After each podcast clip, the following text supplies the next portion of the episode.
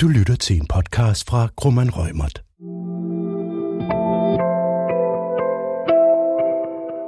Goddag og velkommen til live podcast her fra Folkemødet på Bornholm. Mit navn er Tina Brygger Sørensen, og jeg vil holde et lille indlæg her i dag omkring brud på persondatasikkerheden. Det er et utroligt vigtigt emne, og det er nok mere et spørgsmål om, hvornår I bliver udsat for sikkerhedsbrud, og ikke om I bliver det. Med mig her i dag har jeg... Søren Kaster. Det er mig. Jeg er her på Folkemødet, fordi øh, mit firma, det som jeg er direktør for, der hedder Lead Agency, vi, øh, vi øh, har rigtig mange arrangementer, over end 30 stykker i løbet af Folkemødet. Og når vi er tilbage i København og ellers i hverdagen, jamen, så er, arbejder jeg jo med det, som vi er et kommunikationshus, og, og jeg arbejder selv især med krisekommunikation. Og det skal vi vende tilbage til, for krisekommunikation er absolut vigtigt, hvis en virksomhed er udsat for et sikkerhedsbrud. Når vi snakker sikkerhedsbrud, er det vigtigt, at vi lige er opmærksom på, at det jo ikke bare hacking, som er det mest oplagte, man tænker på, men det er jo alt lige fra, at man kommer til at sende en mail med nogle personhenførbare data til en forkert person, eller man taber et USB-stik eller lignende med data i. Og det, vi skal prøve at snakke lidt om nu, det er øh, ligesom tre hovedforpligtelser, eller tre hovedpunkter, man skal overveje. Det er som virksomhed, at man skal kunne dokumentere alle brud, og det skal man kunne, fordi hvis tilsynet fører kontrol, så skal man kunne vise, hvad der er foregået, og hvad man har iværksat for at imødegå risici. Så er der også et emne omkring anmeldelse til datatilsynet, det skal man gøre ved et sikkerhedsbrud, men mindre det er usandsynligt, at det brud indebærer en risiko for de fysiske personer, vi har data om. Og det tredje, det er, at man i visse sammenhænge også skal foretage en underretning over for de fysiske personer, hvis data man øh, har foretaget øh, brud omkring, hvis der er højt risiko for dem. Det første, jeg lige vil lige helt kort sige noget om, jamen det er, hvis vi har at gøre med et sikkerhedsbrud, som faktisk skal anmeldes over for datatilsynet, fordi der skal man som virksomhed kunne agere ganske hurtigt. Der er en frist om anmeldelse senest 72 timer, og det har jeg ladt mig fortælle af mange IT-chefer, at det er en ufattelig kort frist. Og hvis man er forsinket, jamen, så må man kunne komme med nogle savlige gode grunde for det. Bruger man en databehandler, og det er der jo rigtig mange af os, der gør, så er det også uhyre vigtigt, at vi sørger for at give dem nogle klare instrukser i databehandleraftalen om, hvad deres forpligtelser er. Så er der særlig krav til indholdelsen af anmeldelsen, og der skal man jo selvfølgelig være meget påpasselig med, hvad man anfører i sådan en anmeldelse, fordi man jo der er med til over for datatilsynet og, og vise, hvordan det ser ud i ens klædeskab. Øhm, og det, der er mit klare råd, det er, at man som virksomhed har en intern politik om, hvordan man håndterer et sikkerhedsbrud. Men Søren, det er jo sådan lidt juradelen, og den kan jo blive kedelig for mange at høre på i længden, så nu er det meget godt, at jeg kan give dig ordet, fordi du nævner jo også det der med, at I er specialister i krisehåndtering. Og med hensyn til sikkerhedsbrud, så er der jo både den interne og den eksterne kommunikation, man skal tænke ind i tilfælde af sikkerhedsbrud. Hvad kan du sige om det? Jeg har sådan tre nøgleord, som, som jeg altid prædiker, øh, og som jeg synes er øh, helt afgørende. Og det ene er øh, erkendelse, det andet er afgrænsning, og det tredje er hurtig handling. Apropos det, du lige sagde i det her tilfælde endnu mere, fordi vi snakker om de der 72 timer i forhold til anmeldelse til datatilsynet, og hvis man så gør det, så er det ude.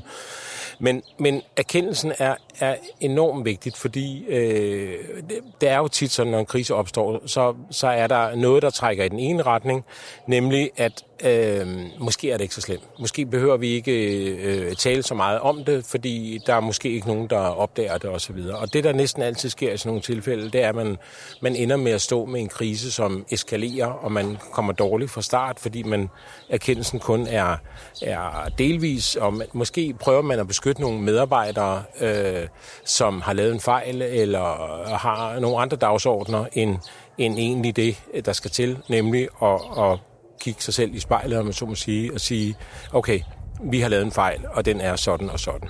Og lidt på den, på den anden måde, så kan man sige, øh, fordi så er der også nogen, der går i den anden grøft, altså som bliver enormt nervøse og, og meget frygter alting, og, og, og pludselig kommer til at lægge sig ned og sige, ja, det er rigtigt, vi har overhovedet ikke styr på datasikkerhed her i firmaet. Og, og det er jo så den anden vej rundt, fordi så, øhm, så kommer man pludselig til at kende en hel masse, som ikke er rigtigt.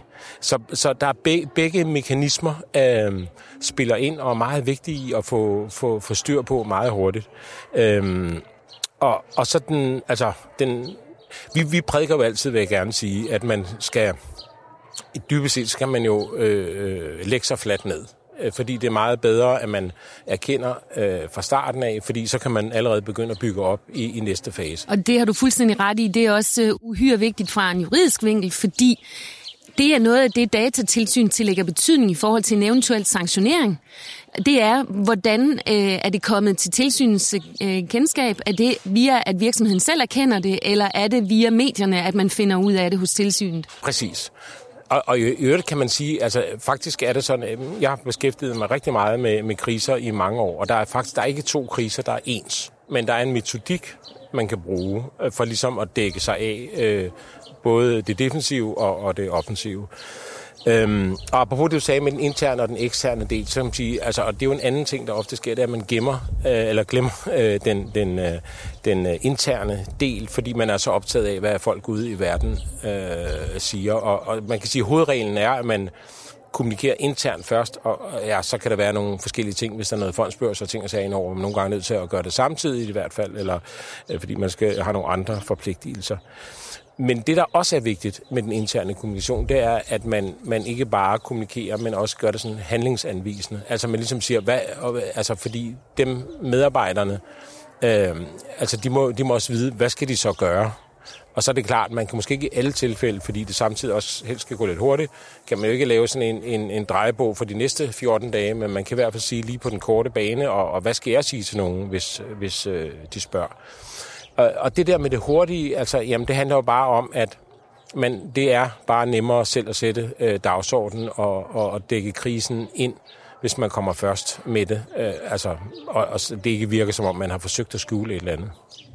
Ja, og Søren, det du nævner med medarbejderne, det var jo også lidt derfor, jeg sagde, at det var så utrolig, er så utrolig vigtigt for virksomheden at have en eller anden manual, fordi selvom du siger, at der er ikke to kriser, der er ens, så det at have en manual, hvor medarbejderne har nogle overordnede rammer for, hvordan de skal agere, du kan selvfølgelig ikke lave et fuldstændig manus, filmmanuskript her, men du kan godt lave nogle overordnede rammer om, hvem er, øh, tager man fat i, hvad gør man på den korte bane, og så videre, og så videre. Det er bare utrolig vigtigt med de her korte frister, at man har styr på sådan nogle overordnede linjer. Ja, øh, jeg er 100% enig. Altså, og, og, og vi har sådan en, altså man kan sige, der er jo en metodik, som hedder, ja, erkend krisen, øh, øh, få den koncentreret, og have et kriseteam, og det, alt sådan noget skal man have styr på på forhånd. Altså det skal ligge i skuffen i virksomheden klar til brug, øh, når det er. At man, at man også ligesom ved, hvem styrer det her, og også hvem der ikke styrer det. Og så, så tror jeg, og det er jo der, hvor I, I øh, spiller en, år, enormt vigtig rolle, det her, det er, at vi beskæftiger os med en, med en øh, ny lov og en stramme lovgivning, øh, hvor der er rigtig mange, der ikke ved noget om det. Jeg ser for mig, at der er rigtig mange, der har brug for hjælp.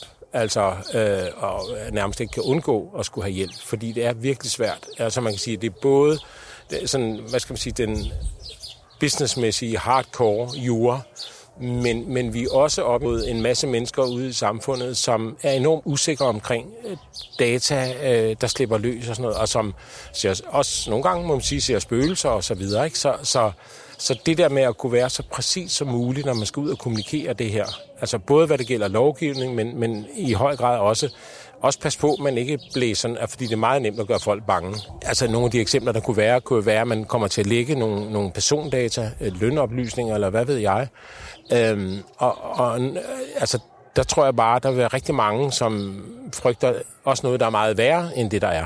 Og i, i forhold til det, der tror jeg også bare, at vi skal tænke tillid ind, fordi hvis der sker et sikkerhedsbrud hos en virksomhed, så kan det godt være, at man frygter at få en bøde fra datatilsyn, og man frygter det der hint.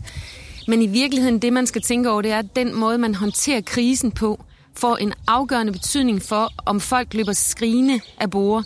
Fordi det kan godt være, at en virksomhed kan betale bøden osv., men hvad hjælper det, hvis alle kunderne øh, og alle ens samarbejdspartnere løber skrigende bort, fordi at de ikke er trygge ved den måde, man behandler data på? Ja, og, og det er rigtigt, og der kan du sige, at altså, der er jo, øh, nu opererer vi jo også med, hvad det, I kalder det, de registrerede. Øh, det er jo sådan lidt et, et jura-udtryk, ikke? Det har I øh, fået ind i loven der. Nej, altså, øh, altså folk, det går ud over. Øh, Øh, og og det, er jo, det er jo en særlig målgruppe i det her. Men, men der er jo også ud over det, øh, og det vil jeg, du også skal sige noget mere om, men, men øh, man kan sige, der er jo også alle virksomhedens, der er de interne, der er også alle virksomhedens andre interessenter, altså samarbejdspartnere, leverandører og så videre, som også er uhyre vigtige øh, at, få, at få dækket ind. Og vi, altså, vi anbefaler egentlig folk at lave sådan et krigsberedskab, hvor man på forhånd faktisk nærmest har tegnet sådan en... Det kan være lidt svært, for man ikke helt, igen, man kender ikke helt den konkrete krise, men, men altså, man ligesom får lavet listet, hvem har vi af vigtige samarbejdspartnere, hvem kan være en hjælp i den her situation, og hvem skal vi tage særlig hensyn til. Fordi nogle gange kan man også få rigtig stor hjælp af nogen, øh, som altså ligesom kan styrke ens troværdighed derude. Men så er vi jo sådan set ved at nærme os lidt det tredje ben, som er lidt et spørgsmål om, hvordan vi skal forholde os i forhold til netop de registrerede, som, som du nævnte, Søren, øh, som jo er øh, også fysiske personer, hvis data det offentlige har noget om, og virksomhederne har noget registreret om. Og der er det jo sådan, at nogle gange skal man også så underrette de registrerede om et sikkerhedsbrud, og det er i de tilfælde, hvor der er høj risiko for enkelt individet. Og det der med høj risiko, det er jo en utrolig svær størrelse. Hvornår er der en høj risiko? Jamen, øh, det vi ved, det er, at tilsyn skæler til mængden af de data, man har om de enkelte fysiske personer. Så ser man selvfølgelig også lidt på, hvad er det for typer af oplysninger. Er det bare din e-mailadresse og måske dit telefonnummer? Jamen, så er det jo ikke så slemt, som hvis det er dine helbredsoplysninger, eller det er oplysninger om strafbare forhold eller lignende. Men det, der også er vigtigt at være opmærksom på, det er, at det kan godt være, at det er helt almindelige oplysninger om mig, der bliver lækket. Men hvis konteksten, den er uheldig, Øh, for eksempel som der har været en sag om læk øh, af data om nogen, der stod i en jobbank og, og var interesseret i at få et arbejde hos en anden arbejdsgiver, jamen så kan det godt være, at det kun var helt almindelige oplysninger om mig, der stod i det register.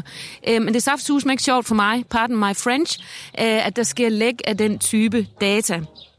Og der, der skal man så underrette de registrerede. Og der, øh, det er jo så fint, fordi så står der i forordningen, at det skal man sørge for at gøre i et klart og forståeligt sprog. Øh, og den der underretning over for de registrerede, den kan man godt slippe for, hvis, der uf- hvis det vil kræve en uforholdsmæssig indsats. Men så skal man så til gengæld gå ud i det offentlige rum med en meddelelse, og det tror jeg ikke, øh, at de fleste er så vilde med. Men i forhold til det med så at gå tilbage til de registrerede og tale i et klart og forståeligt sprog, så der er det jo, at vi tit kommer til kort, os advokater, for vi får jo at vide, at det kan vi ikke finde ud af. Og det er også rigtigt. Hvad hedder det? Øh, nej, der er, bare, der er nogle advokater, der er bedre til at skrive øh, forståeligt end andre. Øh, Øh, og, og, det der, som, altså, og det er jo en af de steder, hvor man jo også et meget godt eksempel på, hvor man virkelig har brug for hjælp, fordi hvad er en, øh, hvad var det, du kaldte en uforholdsmæssig øh, størrelse? Altså, er det 15, eller er det 500, eller er det 20.000? Altså, øh, og, og hvis man skal bare det at skulle skrive ud til 1000, eller hvad man nu har, er jo, er jo et øh, kæmpe arbejde. Øhm, og jeg synes, altså det er jo her, man kan sige, øh, man kan også godt forestille sig, at den der situation, så får man et brev, især hvis det sådan er lidt officielt skrevet, men egentlig tror jeg under alle omstændigheder, at man vil møde folk, der bliver virkelig bange, når de får et brev om, at der er sket et brud på datasikkerheden, og de er blevet ramt af det selv. Og der synes jeg, at man har en, altså der må man også som virksomhed påtage sig den forpligtelse, at folk er uvidende. Altså det, skal, det kan nærmest ikke øh, øh, overkommunikeres på nogen måde. Altså det skal helt ud, tror jeg, nærmest i børnesprog nogle gange, øh, for at forklare, hvad er det præcis, der er sket, hvad er konsekvenserne, hvad kan man gøre øh, ved det. Øh, fordi ellers så tror jeg, jeg tror virkelig, man kommer til at skræmme folk i, i, i den her situation, og måske gøre ondt værre, fordi så begynder de alle sammen øh, at lægge noget på Facebook, øh, eller, eller og, og, og blæser det endnu mere op. Ikke? Så det er, en meget, det er faktisk en meget vanskelig form for, for kommunikation, øh, den her. Ikke? Så, så og der, der skal man være helt ekstraordinær omhyggelig, hvis ikke det skal accelerere. Jamen Søren, det er simpelthen så fint. Også øh, bare lige her til sidst vil jeg sige, at øh, man skal selvfølgelig se på, hvem er målgruppen? Hvem er det, man skriver til? Fordi er det for eksempel børn, der har været øh, registreret data om, jamen så er det et bestemt sprog, men selv blandt voksne skal man tænke over, hvem er den målgruppe, sådan at man sørger for at tale i øjenhøjde, og det er I jo super specialiseret i. Øhm, så øh, tror jeg, at vi snart vil tilbage til det spændende folkemøde. Det er super hyggeligt herovre, og solen skinner.